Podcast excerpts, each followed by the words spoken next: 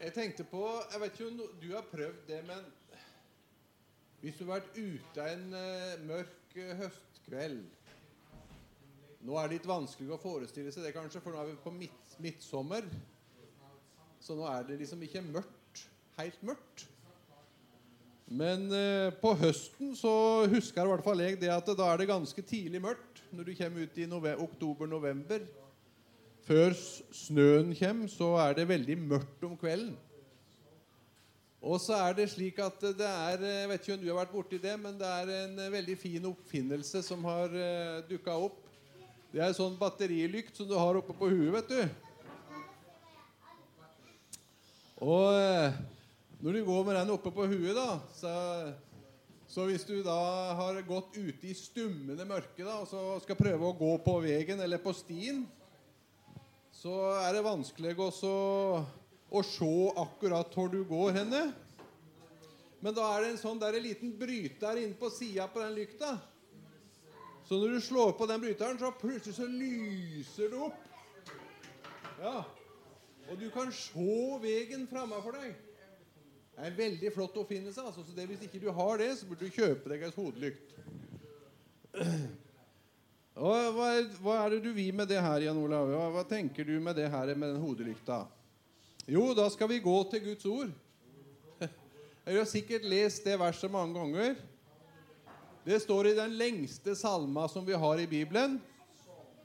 Salme 119. Og er det noen som veit verset? Det er Salme 119 vers 105. Salme 119, vers 105. Der står det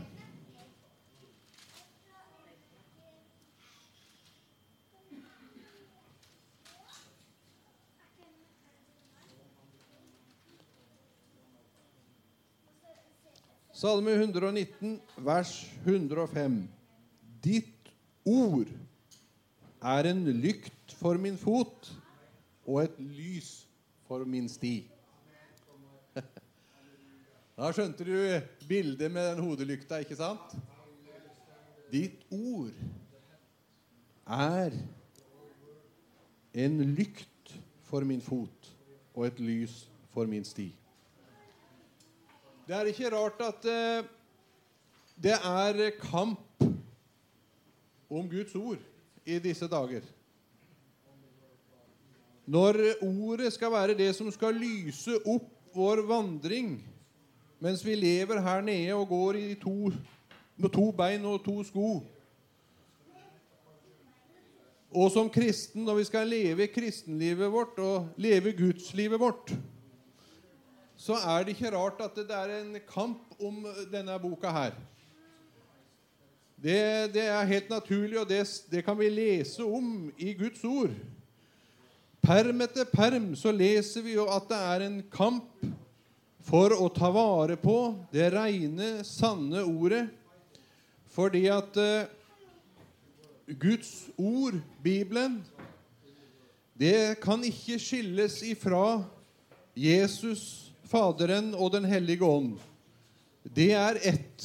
Og Jesus han blir omtalt som Ordet. Han er Ordet. Og det, det er enheten, den guddommelige enheten.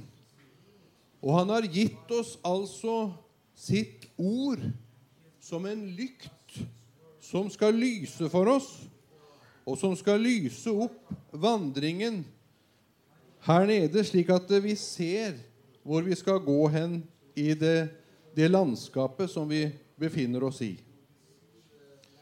Det er også et interessant uh, noen interessante vers i Jesaja 60, som vi også skal slå opp her.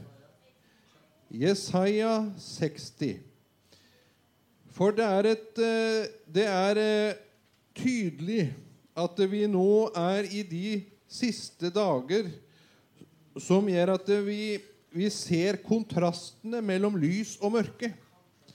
Vi ser det enda tydeligere nå at det blir et skille mellom lys og mørke. Det blir skarpere enn noe i, i den tiden som vi lever i. Og i Jesaja 60, vers 1, så står det noen veldig flotte vers. Der står det Reis deg og bli lys, for lyset ditt kommer, og Herrens herlighet går opp over deg.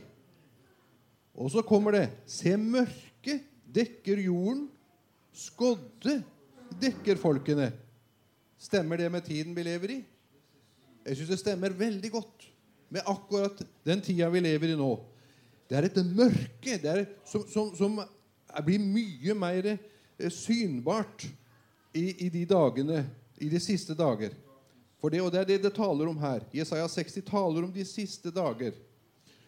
Se, mørket dekker jorden, og skodde dekker folkene. Men over deg går Herren opp. Hans herlighet viser seg over deg. Og folkeslag skal gå mot ditt lys, konger gå mot din soloppgang. Her er tale om Israel, tale om jødene, jødefolket, i de siste dager. Men det er også tale over Guds menighet, som lyset skal gå oppover, og vi skal få reise oss, og så skal vi få bli lys i denne mørke verden. Fordi at Han har gitt oss lyset inn i våre hjerter.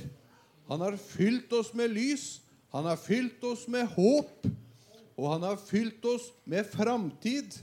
Og han har gitt, latt oss få lov å gå ut med evangeliet i disse dager, som gjør at det, det kan bli en forvandling, og mennesker kan bli født på ny til et levende håp. Det er fantastisk. Gud, han har kontrollen. Han har ingen planer om at det skal bli noe annerledes enn det han har sagt i sitt ord.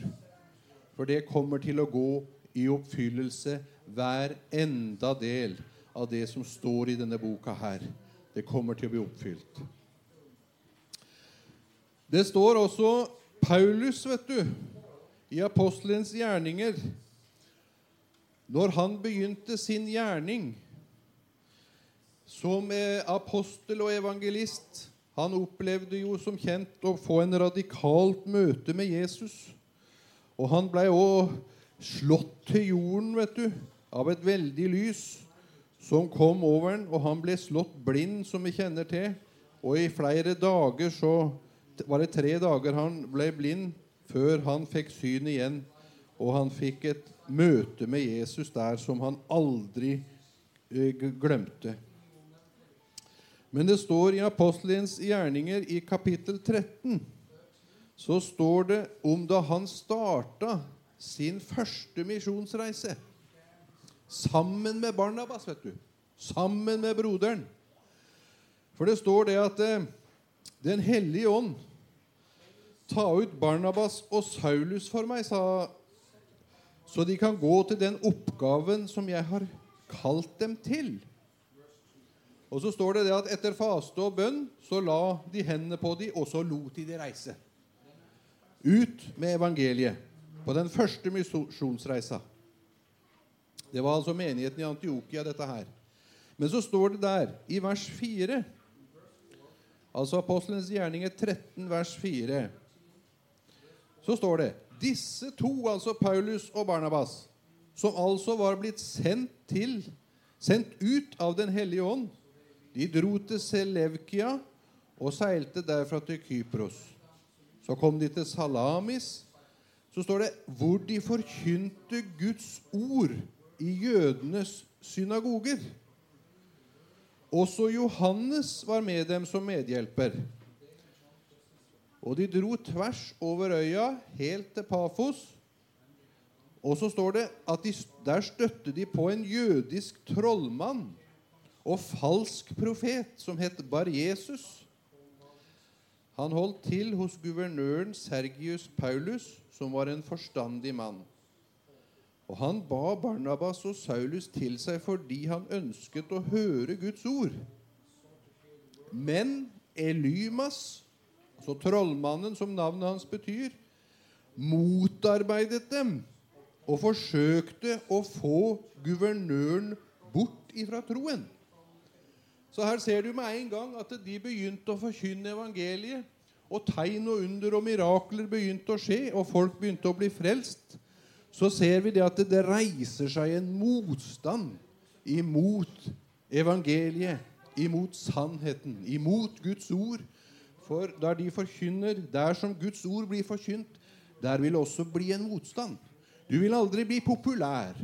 Du vil aldri komme liksom eh, For, for det, det, det, er en, en, kraft og en makt som vil motarbeide eh, sannheten i Guds ord. Og det fikk de oppleve her også. Denne trollmannen. Men så står det i vers 9 Da ble Saulus, som også het Paulus, fylt av Den hellige ånd. Og så så han trollmannen rett inn i øynene og sa, Du djevelens sønn, full av all slags svik og ondskap, en fiende av alt som er rett, skal du aldri holde opp med å gjøre Herrens rette veier krokete. Se, nå legger Herren sin hånd på deg, og du skal være blind en tid og ikke se solen. Og straks falt det skodde og mørke over ham, og han famlet omkring og lette etter noen som kunne leie ham. Da guvernøren så det som skjedde, ble han helt overveldet av Herrens lære og kom til tro, står det. Så du ser her at Gud han lar seg ikke spotte. Han eh, gjør det han har tenkt skal bli utført. Og her fikk altså Paulus og Barnabas få være kanaler der Gud brukte de på en mektig måte her i, allerede i starten på sin tjeneste. Som sagt så er det et angrep på sannheten i Guds ord. Det vil alltid være en motstander. Og Jesus han taler om det i de siste dager. I, i Matteus evangeliet så sier han jo det. Matteus 24. Så skal vi slå opp i Matteus 24. Der står Jesus som sier det at i vers 37 som, om, som det var i Noas dager, slik skal det være når menneskesønnen kommer. For i tiden før storflommen spiste og drakk de, giftet seg og giftet bort, helt til den dagen Noah gikk inn i arken, og de skjønte ingenting før flommen kom og tok dem alle. Slik skal det være når menneskesønnen kommer. Og eh, i vers 45 eh, så står det en beretning om to tjenere. Det står i vers 45 Hvem er da den tro og kloke tjeneren som Herren har satt over de andre tjenerne for å gi dem mat i rett tid. Hva betyr det? Jo, jeg tror det betyr det. Det å gi mat i rett tid, det er å gi Guds ord til mennesker som lever i en mørk verden, og som lever uten håp i denne verden. Så er vi kalt på samme måte som Paulus og Barnabas, til å gi de mat, åndelig føde. Det er å være en tro og klok tjener. Og lykkelig er den tjeneren som Herren finner i arbeid med dette, sier Jesus, når han kommer tilbake. Sannelig, sier dere, Herren skal sette ham over alt han eier. Men sett at det kommer en dårlig tjener som sier til seg selv det varer lenge før Herren min kommer. Og så gir han seg til å slå de andre tjenerne og spise og drikke sammen med drukkenbolter. Da skal Herrens herre Da skal tjenerens herre komme en dag han ikke venter, og en time han ikke kjenner. Det er viktig å å gi akt på det, det her, tror jeg. Det tror jeg er utrolig viktig med Guds ord, å forkynne det sånn som det står, og aldri begynne å gå på kompromiss. Sånn som denne her dårlige tjeneren. Han gikk på kompromiss. Han eh, skulle tilpasse seg verden. Og det ser vi i dag, at alt som innenfor eh, kristenlivet og innenfor eh, Du ser det har endra seg så veldig fort. Og det skal liksom tilpasse seg den tida vi lever i. Det skal liksom være moderne, det skal liksom være up to date. Det, skal, eh, det er veldig viktig å følge med tida, er det noen som sier, og vi må tilpasse ordet både i, i det som vi møter i, i den verden vi lever i. Men det er å gå på kompromiss. Og det vil aldri føre fram til noe seier. Det vil bare bli nederlag. Jeg er sikker på at, at, at det, det å, å stå opp for Guds ord, stå opp for sannheten i Guds ord, det å være Å gi akt på ord, altså. Det som Paulus han sier, at vi må ransake oss sjøl og finne ut om vi er på veien. Det er ikke, det er ikke Altså, det er ikke Du blir ikke moderne av det. Du blir ikke det, det, det, er noe Den formaningen der, den er ikke populær.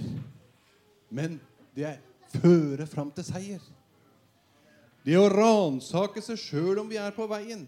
Det å la Den hellige ånd få tale til vårt indre. Og Det er derfor at det står i ordspråkene vet du, at menneskets ånd er en Herrens lampe, og den ransaker alle kamrene i ditt hjerte. La Den hellige ånd tørre, og la Den hellige ånd få lov til det. Gjennom sitt ord. For det at Guds ord og Den hellige ånd, det er ett. Og vi kan ikke, vi, må, vi er avhengig av Den hellige ånd for å få åpenbaring i ordet. Slik at det kan bli mat for oss. Slik at det kan bli noe som vi kan spise av. Den sunne læren.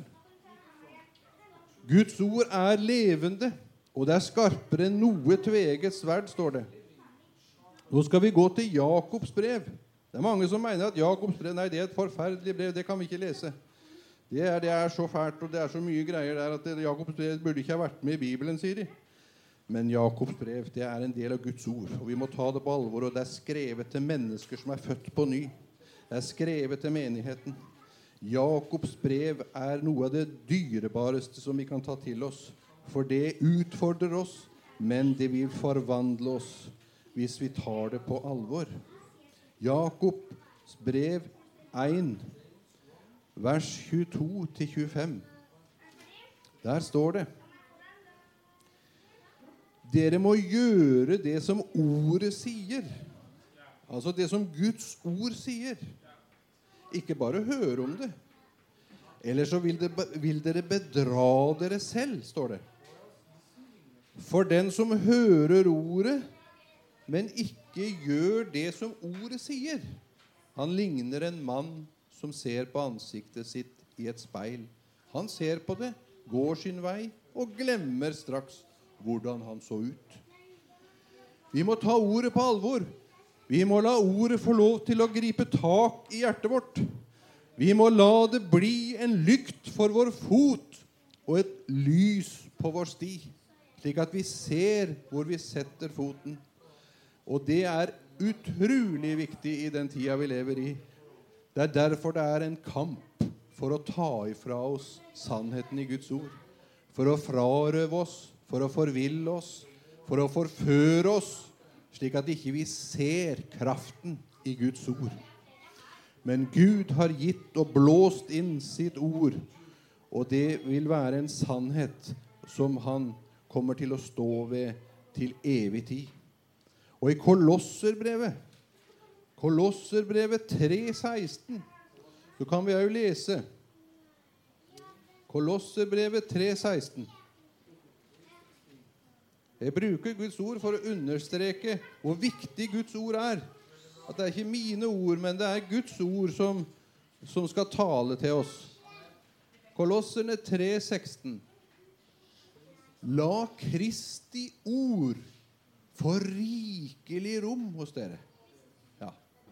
Undervis og rettled hverandre med all visdom.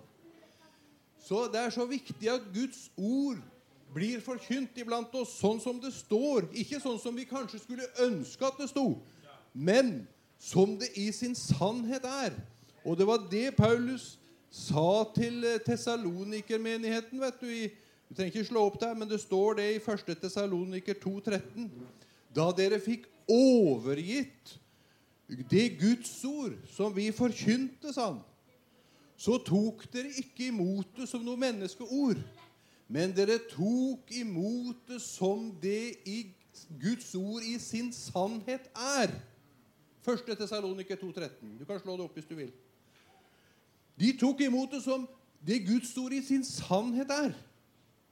Og hva skjedde da når de tok imot Guds ord som i sin sannhet er? Jo, så sier Paulus videre det virker nå med sin kraft hos dere som tror. Fordi at de hadde ikke forkludra det, de hadde ikke forvrengt det, de hadde ikke pynta på det, men de hadde tatt imot det sånn som det står. Og da virker Guds ord. Da virker det med sin kraft. Og da vil det bli en forvandling. Da vil det bli mirakler, tegn og under som går i, i demses fotspor. Når Guds ord blir forkynt som det står. Og Hvis vi beholder oss litt i Kolosserne 4, 16, så står det 4-6 om forlatelse. Kolosserne 4-6. La alt dere sier, være vennlig men la det ha salt og kraft. Salt og kraft. Guds ord er salt. Og så er vi da kalt til å være salt i denne verden. Vi er kalt til å hindre forråtnelsen.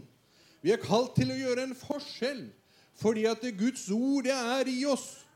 Og det er, det er saltet. Det er kraften i evangeliet. Ja, men så sier du at det, jeg klarer det ikke alltid. Jeg svikter gang på gang. Ja, det gjør vi alle sammen. Vi svikter. Men takk og lov, det er noe som heter nåde. Det er noe som heter Guds nåde, som vi kan få lov til å komme til Han igjen. Og så kan vi få lov til å, å åpne hjertet vårt. Og så kan vi få lov til å kjenne at Han fyller oss igjen med Guds ord og Den hellige ånds kraft.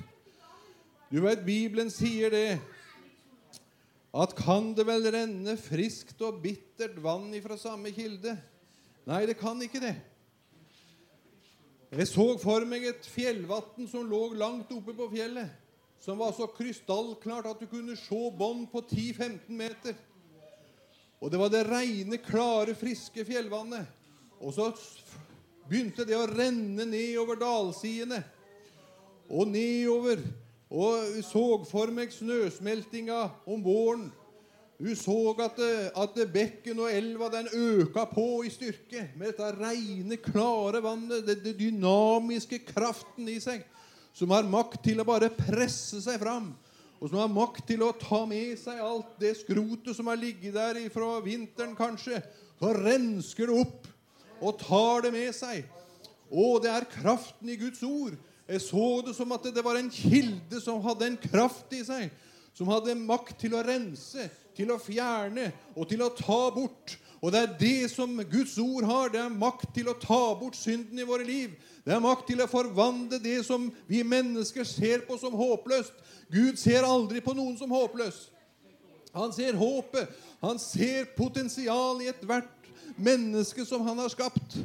Og så kommer han med sin forvandlingkraft, og så reiser han de opp av rennestein. Så reiser han dem opp, og så restaurerer han det mennesket slik at det blir heilt. Fordi at han har kraften. Guds ord har kraft til å forvandle. Guds ord har kraft til å gjøre det som ser i utgangspunktet umulig ut. Men det er ingenting som er umulig for Gud. Og saltet, det må ikke miste sin kraft. For hvis det mister sin kraft, da blir det fullstendig ubrukelig. Da kan det ikke brukes til noen ting. Derfor så må vi ikke tukle med Guds ord. Derfor så må vi ikke begynne å ta ut ting fra Guds ord og prøve å tilpasse oss den tida vi lever i. Sjøl om det er upopulært, så må vi bare stå på barrikaden og si at Guds ord, det er sant. Guds ord er det som kan forvandle. Guds ord er det som kan gjenopprette. Så vi bare priser deg, Far i himmelen. Lovet være Gud. Takk for ditt ord som du har gitt iblant oss, som skal være en lykt for vår fot og en lys for vår sti. Vi skal gå fortsatt til 2. Timoteus 4, vers 3. Halleluja. Takk for Guds ord. Takk for Guds ord. 2. Timoteus 4, vers 3.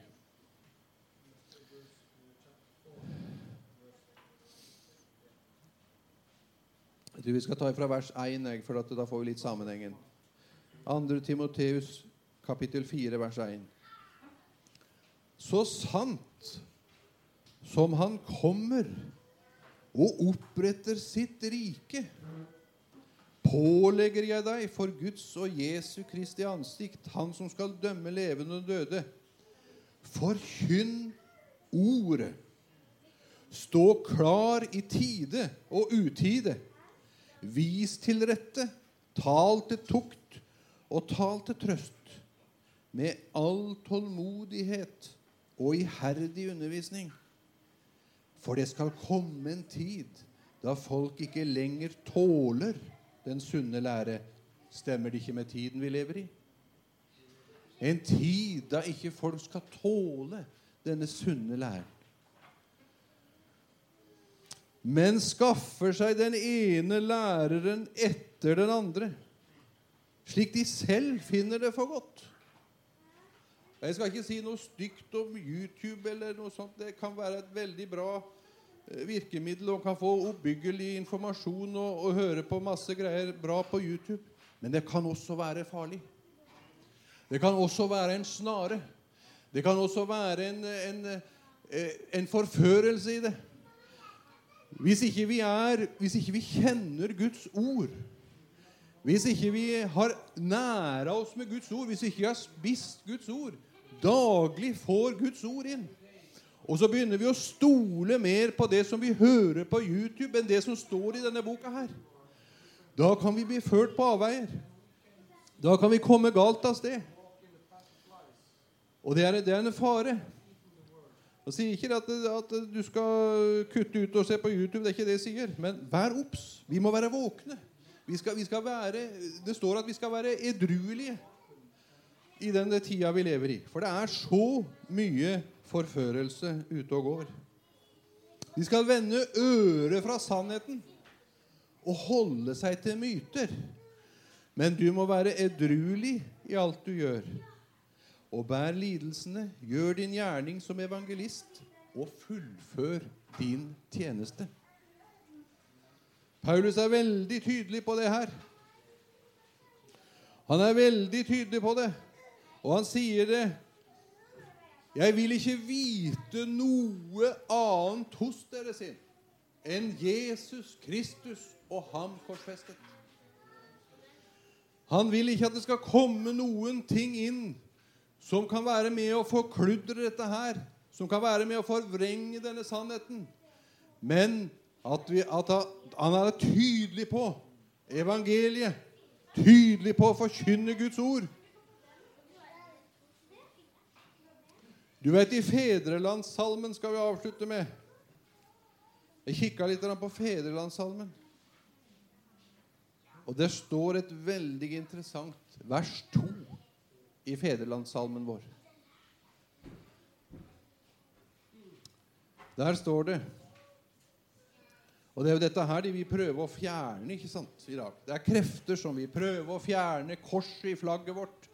Det er, det er krefter som vil prøve å fjerne Gud og Faderen ifra disse her uh, fundamentale sangene våre, kjære sangene som vi har hatt i vår nasjon gjennom så mange hundre år. Og, og der står det Vil Gud ikke være bygningsmann med fåfengt på huset bygga? Vil Gud ikke verja by og land? Kan vaktmann oss ikke trygga? Så vakta oss Gud, så vi kan bu i heimen med fred og hygge. Det er altså så viktig. Det er så viktig, det som står her. Hvis ikke Gud får førsteplassen, hvis ikke Gud er den som vi ærer i vår nasjon, hvis ikke det er Han som bygger verdien i vår nasjon, hvis ikke det er Han som er fundamentet som våre lover og vår nasjon er bygd på, og moralske prinsipper er bygd på, så bygger vi ned festningsverket vårt. Så bygger vi ned alt det som skulle beskytte oss. For hvis ikke han er satt i førersetet, så har vi ikke lenger noe forsvar. Så har vi ikke lenger noen vaktmann. Den kan ikke, eh, politiet kan ikke verne oss. Og, og myndighetene kan ikke trygge oss. Hvis ikke Gud, hvis ikke Gud verger oss og tar vare på oss, hvis ikke Gud er der Han har sagt seg og fortjener å være, så er vi ille ute som nasjon. Og det er det vi ser nå. Vi ser resultatene av en sekulær verden der Gud er fjerna ifra alt. Skal ikke være med. Det skal ikke være noe som har med tro å gjøre. Det skal dysses ned. Det skal viskes ut. Det er et varsko. Men derfor så har vi, har Gud i sin nåde og sin kjærlighet Han ønsker Det står det at det, når Herren dryger med å komme, står det i Petersbrevet, så, så skal vi se det som en mulighet til frelse. Og det er nådetid enda, venner. Det er nådetid enda. Og vi lever nå i de Ja, vi veit ikke Jesus kan komme igjen når som helst for å hente sin brud, for å hente menigheten hjem. Å, måtte vi få med oss alle våre kjære. Måtte vi få med oss vår familie og våre venner og naboer. Å, det kommer til å bli ei forferdelig tid her etter at menigheten er rykka bort. Det kommer til å bli en forferdelig tid på jorda. Ønsker at ingen skal bli igjen. Men nå lever vi i nådetiden. Og Gud vil bruke oss. Gud vil bruke deg og meg, vanlige mennesker til å vinne våre kjæreste. Til å gå ut med evangeliet. Men vi må holde fram Guds ord, venner. Vi må holde det fram, for det er en lykt for vår fot og et lys for vår sti. Det er sannheten som setter fri, står det. Det er bare sannheten som kan sette mennesker i frihet. Og, og Guds ord, det er sannhet. Det er det eneste vi kan stole 100% på det er Guds ord. Alt annet kan være forføreriske krefter i. Alt annet kan være noe som prøver å ta ifra oss det som Gud har gitt oss. Men Guds ord kan vi stole på. Tenk at vi har en sånn skatt iblant oss. Og tenk at vi kan få lov ennå å forkynne Guds ord i vårt land. La oss bruke muligheten. La oss være frimodige og han skal gjøre det gjennom oss. Vi skal bli være kanaler der Guds kraft skal få flyte. Akkurat som dette klare kildevannet og, og at det klare fjellvannet. Så skal vi få lov til å være kanaler som Gud kan strømme gjennom. Til å gi liv til de som ennå ikke har sett lyset. Til de som ennå ikke har sett det, som er forført, men som jeg og du som Gud setter i vår hverdag, setter vår, på vår vandring, slik at eh, vi, vi, oppdager dem på den stien som vi går på, fordi at vi har lykta, Guds ord på hodet, slik at vi ser. Vi går ikke bare rett forbi, som disse prestene og levitene som det står om den barmhjertige samaritan. Men vi går, og så ser vi de som trenger hjelp. Og så kan vi få lov til å være til hjelp og så kan vi få lov til å se at Gud får gjort sin gjerning iblant oss. Må Gud velsigne deg. Må Gud møte oss, og at vi får lov til å benytte oss av den nådetiden som vi lever i. Herre, vi priser deg. Vi takker og lover deg, Jesus. Takker deg for ditt ord som er iblant oss. Og takker deg for at det er skarpere enn noe tveget sverd. Det trenger igjennom, står det. Dere kløver sjel og ånd, marg og ben, og dømmer hjertets tanker og planer. Jeg takker deg, Herre, for at vi kan få lov til å ha nåde til å la Guds ord få lov til å få sin vilje med oss. Ved Den hellige ånds åpenbaring så blir det oss til del på en så sterk måte som bare du kan gi, Herre. Og Og jeg ber for hver enkelt i menigheten her, Herre. La oss få være en oase som gir liv til en verden som er i totalt oppløsning. Som er i en verden som er i totalt mørke. Så kan vi få lov til å være lys og salt i denne verden. Og så kan vi få utgjøre en forskjell. Vi priser og takker deg, Jesus. Lovet være Gud, vår Herre Jesu Kristi Far, som har velsignet oss med all åndens velsignelse i himmelen. Det mangler ikke på noen ting. Du har gitt oss alt, Herre. Og jeg takker deg for hver enkelt av mine søsken her. Måtte du velsigne dem, Jesus. Måtte du istandsette dem når de får kjenne at de er elska deg. Du som er kjærligheten. Men du er den du har sagt deg å være. Du er Ordet. Du er Ånden. Og vi takker deg, Jesus. Amen.